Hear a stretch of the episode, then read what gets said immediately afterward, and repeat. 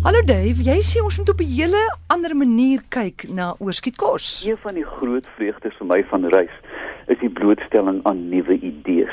Jy weet, Marco Polo het teruggekom. Wel ek is nou nie Marco Polo nie. of soos Britney Spears nou eendag gesê het, ek wil meer oor see gaan soos na Kanada, sê sy uit Amerika. Maar in elk geval, dit nou daar gedaan. Mens kry gereeld Hy die arme ding. Mens kry, jy weet jy sit op 'n vliegtuig, daar's boeke, jy sit op die lughawe, daar's tydskrifte. En so kom ek toe af op 'n ontsaglike interessante webwerf. Luisteraars kan gerus gaan kyk. lovefoodhatewaste.com. Gaan kyk 'n bietjie. Ja. Hierdie is 'n totaal nuwe beweging vir mense wat sê wend jou oorskiet kos aan met nuwe uh, elan en finesse daar is propvol idees. Jy weet, as jy dink, as jy sê net maar gebraaide aardappels maak, né? Die aardappel het uh, is gekweek. Hy's met 'n lorry gery na die mark toe. Hy dalk 'n bietjie gevlieg. Hy skoon gemaak met water. Nou kook jy die ding in in olie wat uh, gekweek is en gepers is en wat. Met ander woorde, die produk wat jy naand eet, het 'n reusagtige koolstofvoetspoor. As jy nou die helfte van daai aardappel weggooi, is dit verdubbel jy bykans die produk se spoor.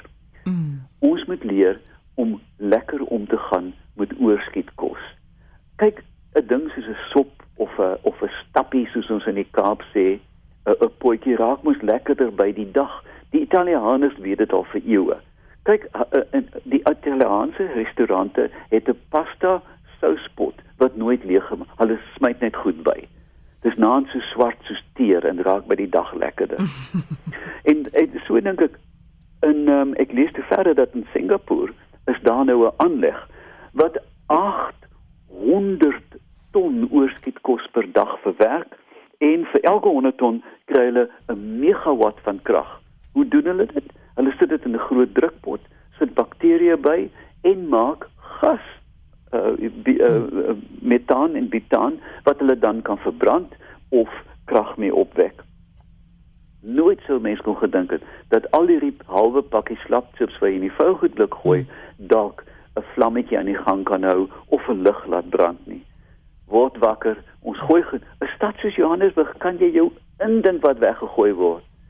Omskep dit in lewensgewende krag.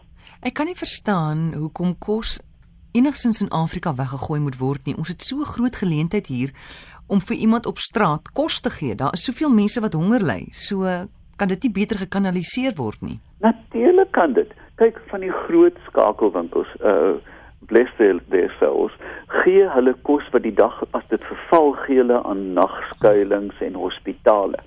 Maar as jy dink, sê maar 'n groot kettingwinkel in in 'n stad soos Johannesburg, net die buiteblare van kopkoel en broccoli en wat ook al wat hulle elke dag weggooi is honderde tonne hierdie goed kan alles omskep word um, in varkkos mm. wat netlik ook windjies maak maar jy kan dit suiwer toepas en eenvoudig krag daarmee opwek dieselfde geld vir ons storthope in die stad oor die wêreld sit hulle 'n laag klei bo vang die gas saam boor 'n boorgat en bou 'n kragstasie op die vougoed hoop.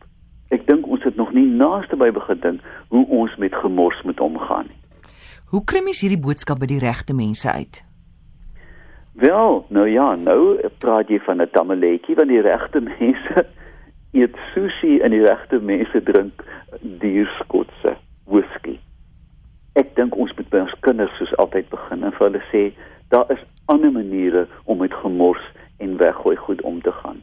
En dalk, net dalk, klaar hulle. Weet jy almore daar is nou 'n studie gedoen in in Amerika wat die verkoop van enige item in 'n supermark direk kan verbind met die aantal kere wat 'n kind kla. Vier kla in die maak koop. Sy dink om vaders naam dat ek net van hierdie bloody kind ontslaa raak en koop die ding. As kinders genoeg kla by hulle ouers, doen hulle dit naand.